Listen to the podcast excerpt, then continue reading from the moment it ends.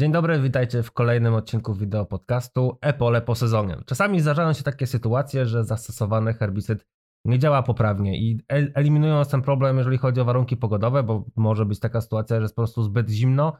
Mamy również w Polsce problem z odpornościami, z odpornościami chwastów na poszczególne, na poszczególne grupy herbicydów. E, mój dzisiejszy gość walczy na swoich polach właśnie z tematem odporności od, od wielu lat. Ma tam problem nie tylko z miotą zbożową, ale z innymi chwastami jednosilnymi, również stokłosą. I chciałbym z nim właśnie dzisiaj w tym pierwszym noworocznym odcinku porozmawiać o tym, jak skutecznie walczyć z problemem odporności na polskich polach. Moim dzisiejszym gościem będzie Wojciech Kępka, czyli Wojkep. Zapraszam Was do subskrypcji kanału, lajkowania i pisania pytań w komentarzach do Wojtka. Cześć Wojtku. Cześć, witam. E, pod komentarza, w komentarzach pod Twoimi filmami dosyć często można spotkać takie opinie widzów, że bardzo pro, pro, profesjonalnie prowadzisz swój kanał, że dostarczasz bardzo dużo wiedzy. E, to, to jest spory kredyt zaufania od widzów, ale też tak myślę, że no, też zobowiązanie do tego, żeby kolejne filmy dostarczały dużą dawkę informacji. E, oczywiście, oczywiście. To to, co ja przekazuję, tą wiedzę, którą przekazuję, e, to nie jest takie tylko gadanie sobie, tak? No bo w pewnym sensie ja biorę odpowiedzialność za to, tak? Tak jak wspomniałeś tutaj, e, widzowie, którzy mnie oglądają, bardzo często pod komentarzami, ale i nie tylko pod filmem, pod komentar w komentarzach, ale również i w wiadomościach prywatnych, po prostu pytają mnie, co, jak, gdzie, kiedy zastosować, jakie dawki, e, oraz jakie konkretne herbicydy, nie tylko herbicydy, czy też yy, ogólnie środki ochrony roślin, jakie zastosować na, yy, na, w danym okresie na dane patogeny. Jak myślisz, dlaczego tak się dzieje? Bo to trochę wydaje mi się wynika z tego, że to takie doradztwo codzienne chyba nie jest na zbyt wysokim poziomie, skoro ludzie tak szukają tych informacji, chociażby u takich osób jak ty, prawda? No bo jakby mogli te informacje znaleźć, znaleźć e, gdzieś bliżej siebie, to by pewnie nie pytali w internecie. No tutaj jakby zdania mogą być podzielone na, na i, i, każde, każdy będzie miał swoją rację, tak? No bo y, są oczywiście fachowe y, instytucje doradcze, doradcze, które y, zajmują się tym na co dzień, prawda? I którzy doradzają profesjonalnie, można powiedzieć, tak? Ale jakby to są zazwyczaj ludzie, którzy są powiązani z jakimiś firmami, prawda? I jakby myślę, że tutaj może być e, taki, e, taki, taki typ odpowiedzi, która, która może e, później mieć konsekwencje w tym, że kupujący, czyli rolnik, zrazi się, bo na przykład coś pójdzie nie tak, tak? Jakiś dany, dany herbicyd nie będzie stosowany w odpowiednim momencie i tutaj jakby e, firmy, które, które mają swoich przedstawicieli, jakby boją się troszeczkę. Mi się też wydaje, że trochę tak jest, że e, przede wszystkim jeżeli chodzi o takie niezależne doradztwo, to one dotyczy bardziej prawa, bardziej dofinansowania, dopłat, jakichś księgowych rzeczy, prawda? No też, też. też. A, a stosunkowo mało jest, jeżeli chodzi o teren e, i doradców, jeżeli chodzi o firmy chociażby, takich faktycznie prawdziwych fachowców, którzy są w stanie trochę szerzej spojrzeć na dany problem, a nie tylko w kontekście, nie wiem, pro, produktu, który, który sprzedaje, prawda? I to myślę, że stąd się bierze też taka ta chęć ludzi do zadawania pytań takim osobom jak ty, czy jak Mateusz, który był ostatnio gościem właśnie pole po sezonie, więc to też no, na was, zresztą no, o tym już rozmawialiśmy kiedyś, to jest takie duże brzemię, jeżeli chodzi o odpowiedzialność, ale z drugiej strony pamiętam, jak nagrywaliśmy kiedyś film, to wspominałeś o tym, że twoja żona cię zachęciła do tego, żebyś właśnie się dzielił swoją wiedzą. Oczywiście. No bo to, to tak. też jest kurczę kapitalna rzecz do tego, żeby budować siebie, swoją markę niejako, tak, ale także no tą wiedzę przekazywać innym. No oczywiście, no tak, taki początek mój był. Y, ja jakby byłem troszeczkę sceptycznie do tego wszystkiego nastawiony, e, ale tu tak jak mówię i ty powiedziałeś, że no, żona mnie też namawiała, mówię, jest tych kanałów, czego, czego ty po prostu tego nie robisz, prawda? Skoro masz wiedzę, zarządzasz gospodarstwem już przez dłuższy okres, bo odkąd skończyłem studia jeszcze na studiach, przejąłem już jakby tą pałeczkę e, takiego stricte zarządzania uprawami, polem, nawożeniem, środkami ochrony roślin, od taty, żeby, jego, żeby go odciążyć po prostu, tak? E, no i wiadomo, no trzeba było się w tym, e, w tym szkolić, tak? No i, i, i ta wiedza jakby co, co i rusz jest pogłębiana. A jeszcze wracając do początkowej twojej wypowiedzi, e, jeżeli chodzi o doradców, tak, no dzwonimy do doradcy, tak, mówimy mu, słuchaj, jest to i to na polu, tak, ale on tego nie widzi, prawda? To jest takie doradztwo jakby Trudne. wirtualne, Mhm. prawda? A ja, skoro jestem na swojej plantacji, wychodzę, patrzę na daną roślinę, e, na patoge- patogeny, które występują, na, na chwasty, na zachwaszczenie i pokazuję przed kamerą, co, jak wygląda, nie? Więc widz, który mnie ogląda, ja daną roślinkę wezmę i pokazuję ją, jak ona wygląda, to bardziej I co trochę się do dzieje? wyobraźni też, prawda? I Dokładnie, bardziej, bardziej dokładnie. tam do świadomości. Ale, ale e, nie tylko jak gdyby doradztwo, bo u ciebie na kanale również dużo jest filmów takich związanych e, z takimi codziennymi aspektami prowadzenia gospodarstwa, bo przecież można znaleźć e, instrukcję, jak kłaść pozbruk, tak? Można znaleźć filmy o tym, jak przygotowujesz gdzieś tam zadrzewienia, czyli tniesz gałęzie przy polach, jak serwisujesz maszyny, czy ostatnio temat fotowoltaiki. I to są również filmy, które widać, że ludzie chętnie oglądają. Tak, no monotonność jest jakby y, odwrotnością oglądalności, tak? Więc każde urozmaicenie filmu, chociażby nawet przez takie krótkie ujęcia innej kamery niż tylko y, ujęcie z perspektywy głowy, y, typu drony, tak? Czy, czy nawet ustawienie kamery gdziekolwiek indziej, gdzie ona ma jakby szerszy kąt widzenia tego, co się robi, prawda? Y, już to jest w pewnym, w pewnym y, momencie, w pewien sposób urozmaicenie tego, tak? Przyciągnięcie uwagi widza. Więc staram się to robić, chociaż nie zawsze to y, jest możliwe, bo zazwyczaj jak się robi, tak jak mówisz, jakiś przegląd maszyn czy coś, no jednak, żeby to, ta bliskość tego, co, co ja robię, jak to robię, była zachowana, więc ta kamera musi być na głowie. Y, Ale no tak jak mówię, staram się, żeby, żeby to po prostu urozmaicić i zachęcić widza do oglądania. To jest też takie poradnikowe, myślę, ludzie czasami szukają takiej informacji, jak coś zrobić, tak, bo no, gdyby sami chcą to zrobić, a nie do końca Mhm. może wiedzą jak, albo chcą zrobić to lepiej. Ale przechodząc do naszego tematu głównego dzisiaj, czyli odporności, e, wiem, bo znamy się od kilku lat, że ty z odpornościami na swoich polach walczysz. Powiedz, z jakimi gatunkami chwastów masz przede wszystkim problem tego typu, że one występują właśnie formach odpornych?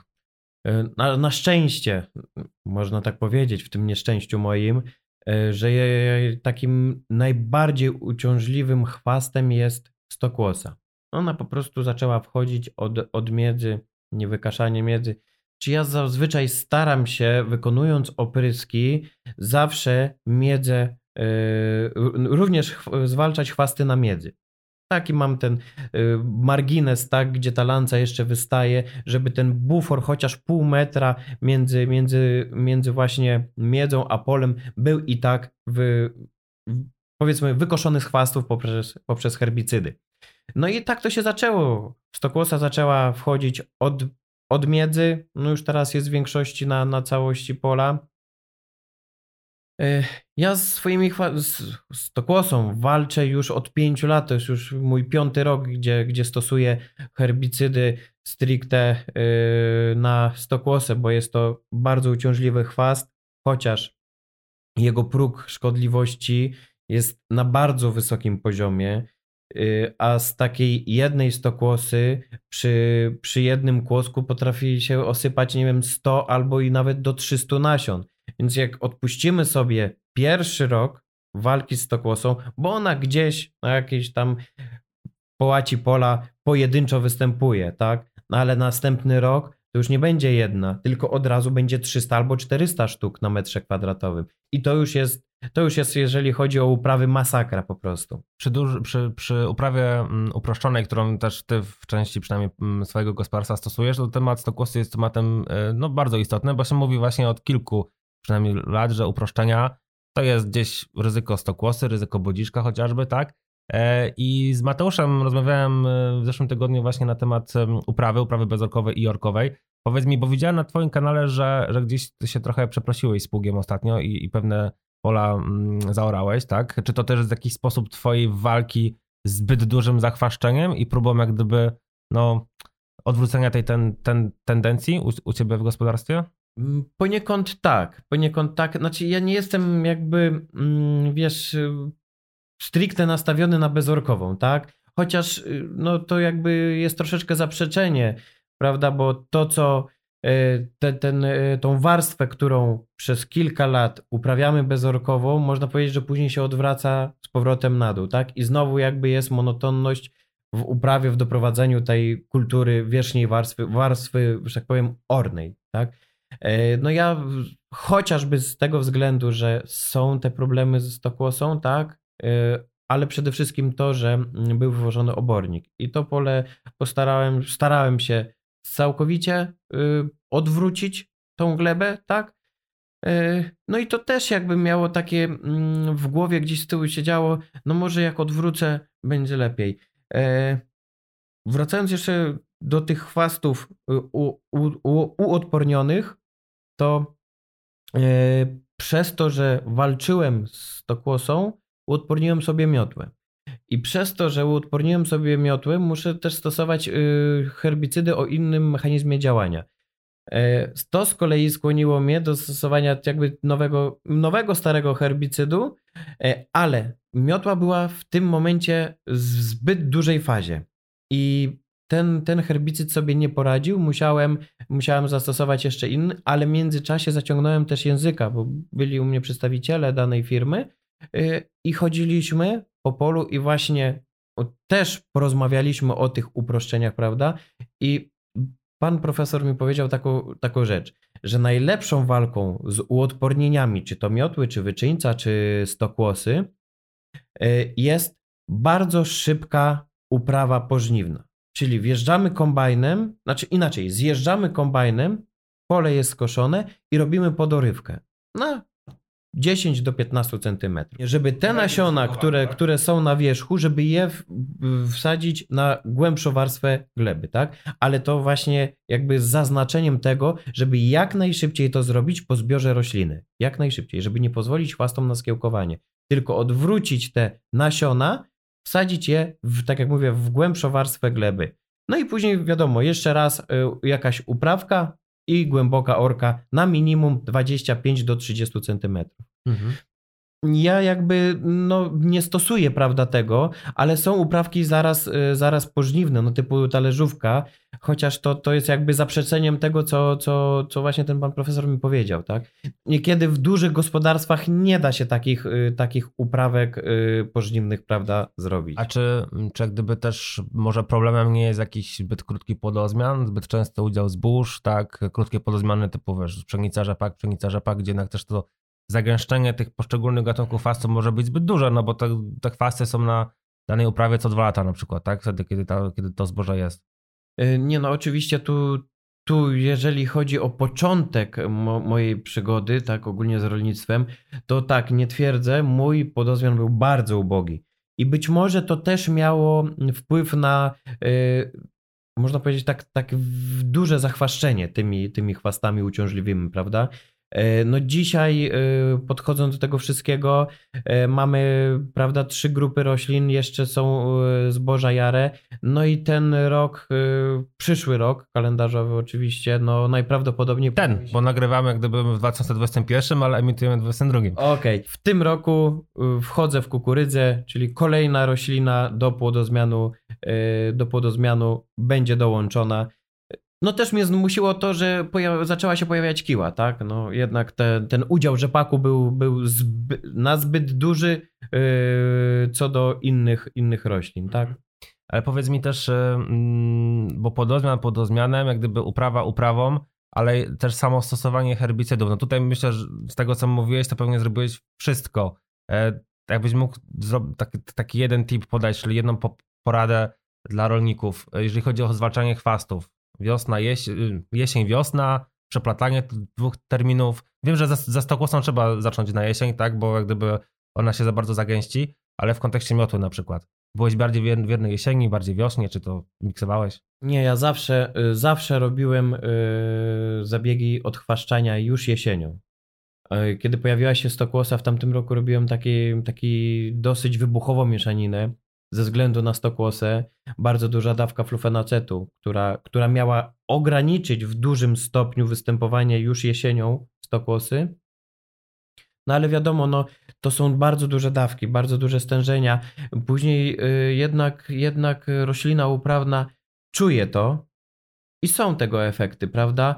I jeżeli chodzi o walkę z uciążliwymi chwastami, nie ma możliwości, żeby zrobić to w jednym zabiegu.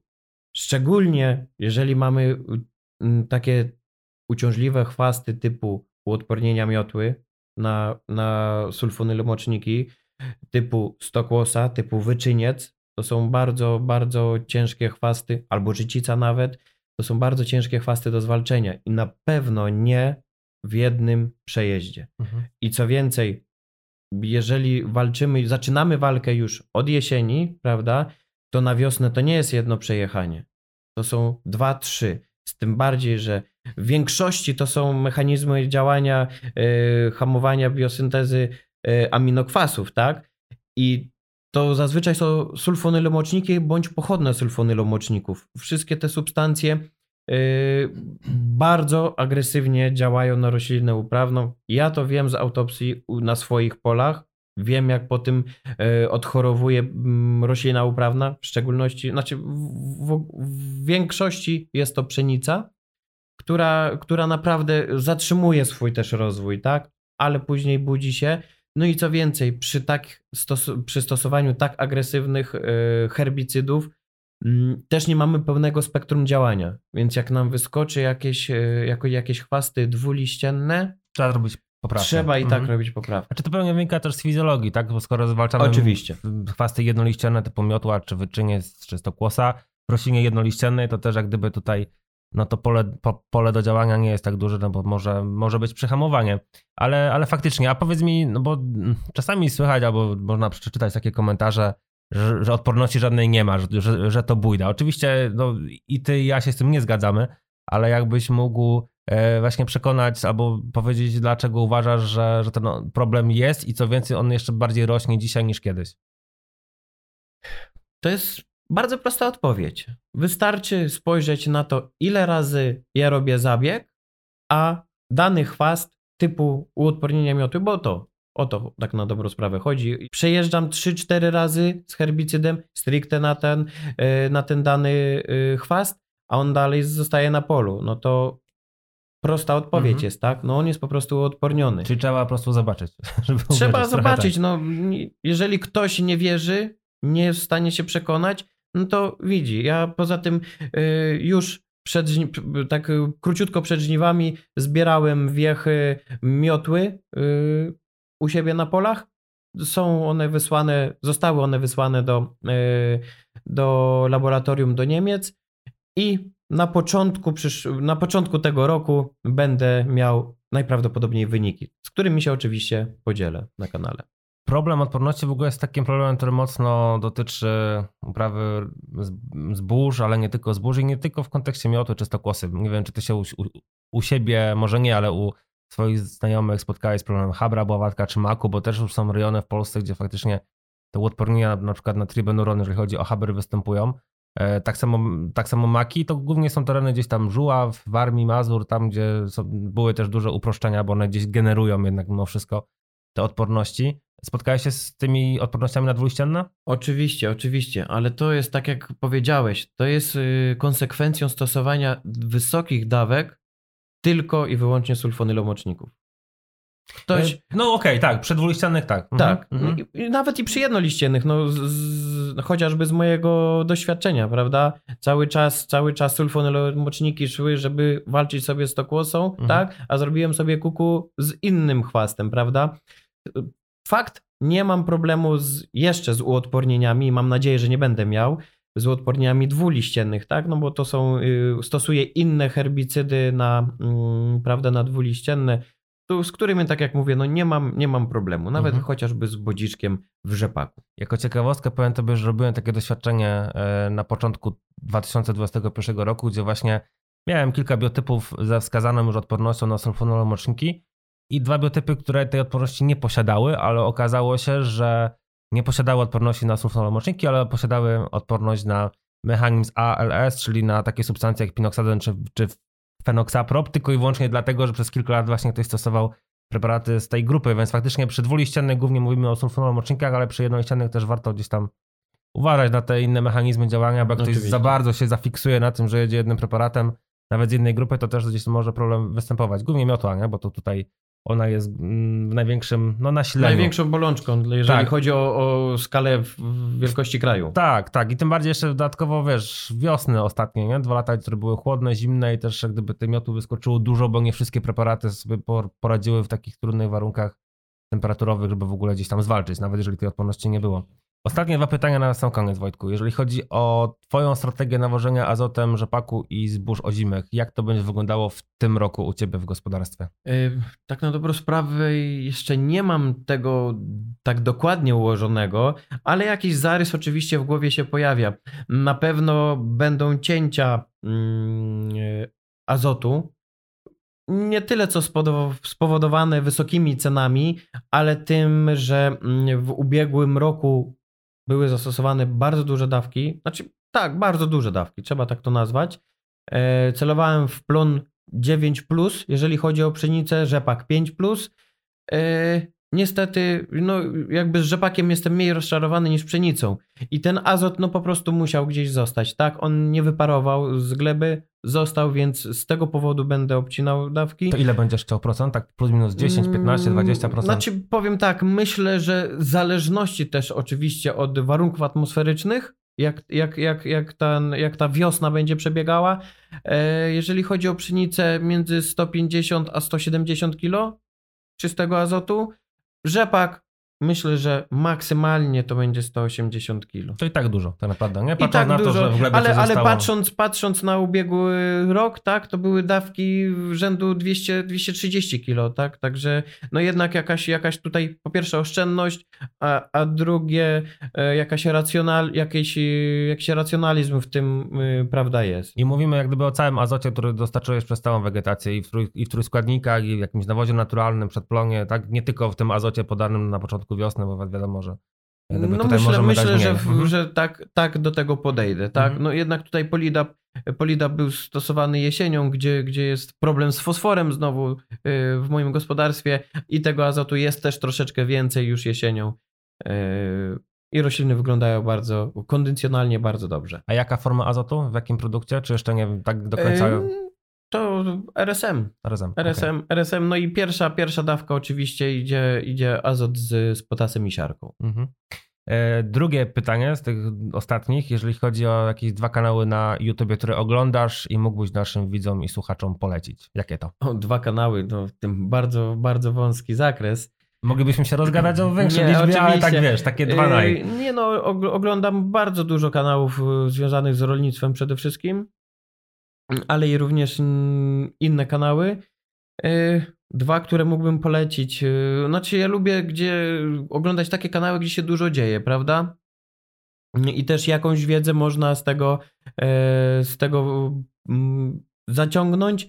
E, I też lubię oglądać kanały, które mają coś innego niż u mnie w gospodarstwie. E, To nie jest żadnym, żadnym moim tabu, że lubię też warzywa, tak? I tutaj e, Słomka bardzo często oglądam. Jego, jego poczynania e, z tymi warzywami, gdzie jeszcze my praktycznie mamy jakby koniec zabiegów w polu, a on jeszcze, że tak powiem, po łokcie siedzi w kartoflach albo w ziemniach, przepraszam, w kartoflach albo, albo w marche, marchewce, tak? Mhm. To ten jakby kanał najczęściej tak oglądam. No i później no, kolejne. Nie mam jakby takiego drugiego miejsca, ale często oglądam e, Bardowskich, tak, rolnika nieprofesjonalnego, kule podglądam, mimo że on jest najbliżej mnie, ale i tak, e, i tak e, ten kanał często, często na niego wpadam. Czyli lubisz wiedzieć, co się u znajomych dzieje, tak? I zobaczyć też, jak gdyby, jak oni sobie radzą problemami. Okej, e, bardzo Tobie dziękuję za to, że przyjechałeś. Trochę drogi miałeś, a też pogoda dzisiaj nie do końca fajna. Mamy w końcu zimę, ale trochę nam śnieg zjechał, jest mgła. E, Więc dzięki wielkie. Również E, dziękuję. Wszystkiego dobrego w nowym roku. Zdrowia, sukcesów, mało problemów, a dużo powodów do radości. Również dziękuję i wszystkiego dobrego. Dzięki. Wam również życzę wszystkiego dobrego w nowym roku. Zachęcam również do, do tego, żeby subskrybować kanał Epole, lajkować nasze filmy i materiały oraz pisać komentarze. W tym odcinku przede wszystkim pytania do Wojtka, które mam nadzieję, na które mam nadzieję e, Wojtek odpowie. Do zobaczenia w przyszłym tygodniu w kolejnym odcinku Epole po sezonie. Cześć! Pamiętajcie, że Epole po sezonie, poza YouTube'em oraz Facebookiem, możecie również posłuchać jako podcasty w serwisach iTunes, Spotify oraz Stitcher.